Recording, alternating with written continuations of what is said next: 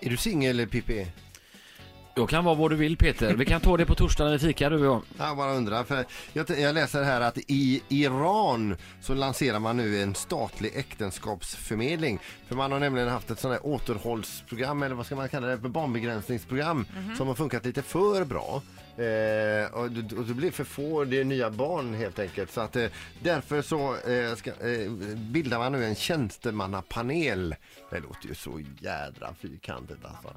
Och dit ska man söka då och, och och få be, bli bedömd då. Två, en man och en kvinna bedömas om de passar ihop och så vidare då. För de vill ha fler som gifter sig. Eh, Jag vill, fattar inte. eh, nej men alltså det, de, de, de ska väl förmedla Är eh, den är typ de, det är en, s- singeltjejer och singelkillar. Som en sån dejtingsida. Fast statlig. Nej, statlig. Du kommer dit och så, och så talar staten om för dig om ni passar ihop. Eh, och så får man tips och kanske då lite hjälp eh, och, och, och giftas också då. Och det står också att man har ett litet, eh, litet, eh, litet lätt eh, p- problem i Iran för man har 11 miljoner ungkarlar.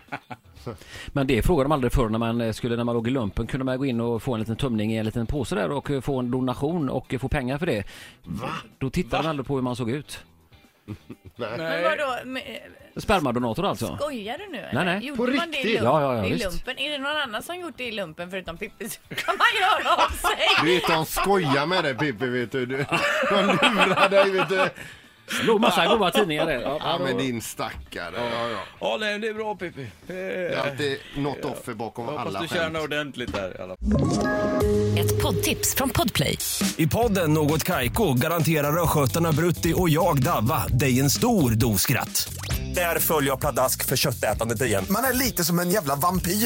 Man har fått lite blodsmak och då måste man ha mer. Udda spaningar, fängslande anekdoter och en och annan arg rant.